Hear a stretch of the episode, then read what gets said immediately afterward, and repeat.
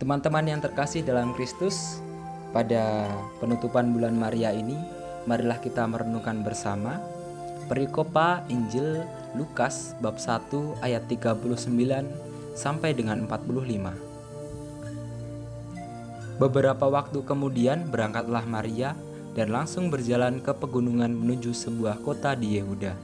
Di situ ia masuk ke rumah Zakaria dan memberi salam kepada Elizabeth. Dan ketika Elizabeth mendengar salam Maria, melonjaklah anak yang di dalam rahimnya, dan Elizabeth pun penuh dengan Roh Kudus, lalu berseru dengan suara nyaring, "Diberkatilah engkau di antara semua perempuan, dan diberkatilah buah rahimmu. Siapakah aku ini sampai ibu Tuhanku datang mengunjungi aku?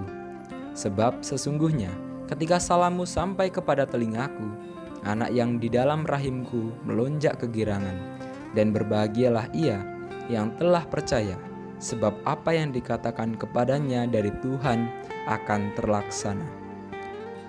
Teman-teman yang terkasih dalam Kristus, pada penutupan bulan Maria ini, saya mengajak kita semua untuk merenungkan kegelisahan kita sebagai orang muda saat ini. Pada tema insecure Jumat lalu, kita berusaha melihat kegelisahan, kekhawatiran, rasa tidak aman di dalam diri kita. Ada banyak yang dapat kita ambil dari pengalaman rasa insecure itu, entah itu sebagai pijakan untuk melampaui kelemahan kita, pengalaman yang mendewasakan, dan mengasah manajemen konflik. Di sinilah rasa tidak aman rupanya memberikan kita pendewasaan dalam menyikapi aneka pengalaman hidup. Pada Injil hari ini, satu hal yang menarik untuk kita renungkan bersama ialah perkataan Elizabeth, saudari Maria. Siapakah aku ini sampai ibu Tuhanku datang mengunjungi aku?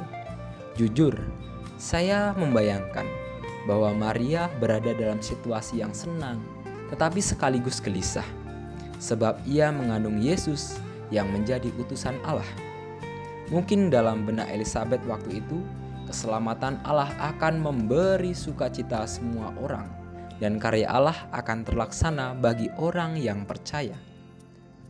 Maria mendengar ucapan syukur dari Elizabeth pun juga bersyukur dengan mengumandangkan kidung pujian kalau kita melanjutkan perikop dalam kitab suci selanjutnya bahwa Allah itu telah memperhatikan orang-orang yang takwa dan kecil.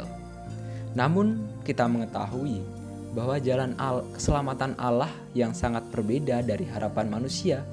Yesus menyelamatkan manusia justru lewat cara sengsara, wafat, dan bangkit. Dalam penderitaan Yesus, apakah Maria lari dari jalan penderitaan yang dipakai oleh Allah? Kan penderitaan kan tidak memberi sukacita. Rupanya, Maria menjadi orang yang paling setia dan beriman kepada Yesus Kristus dalam karya keselamatan Allah. Ia mengikuti jalan salib Yesus sampai akhir.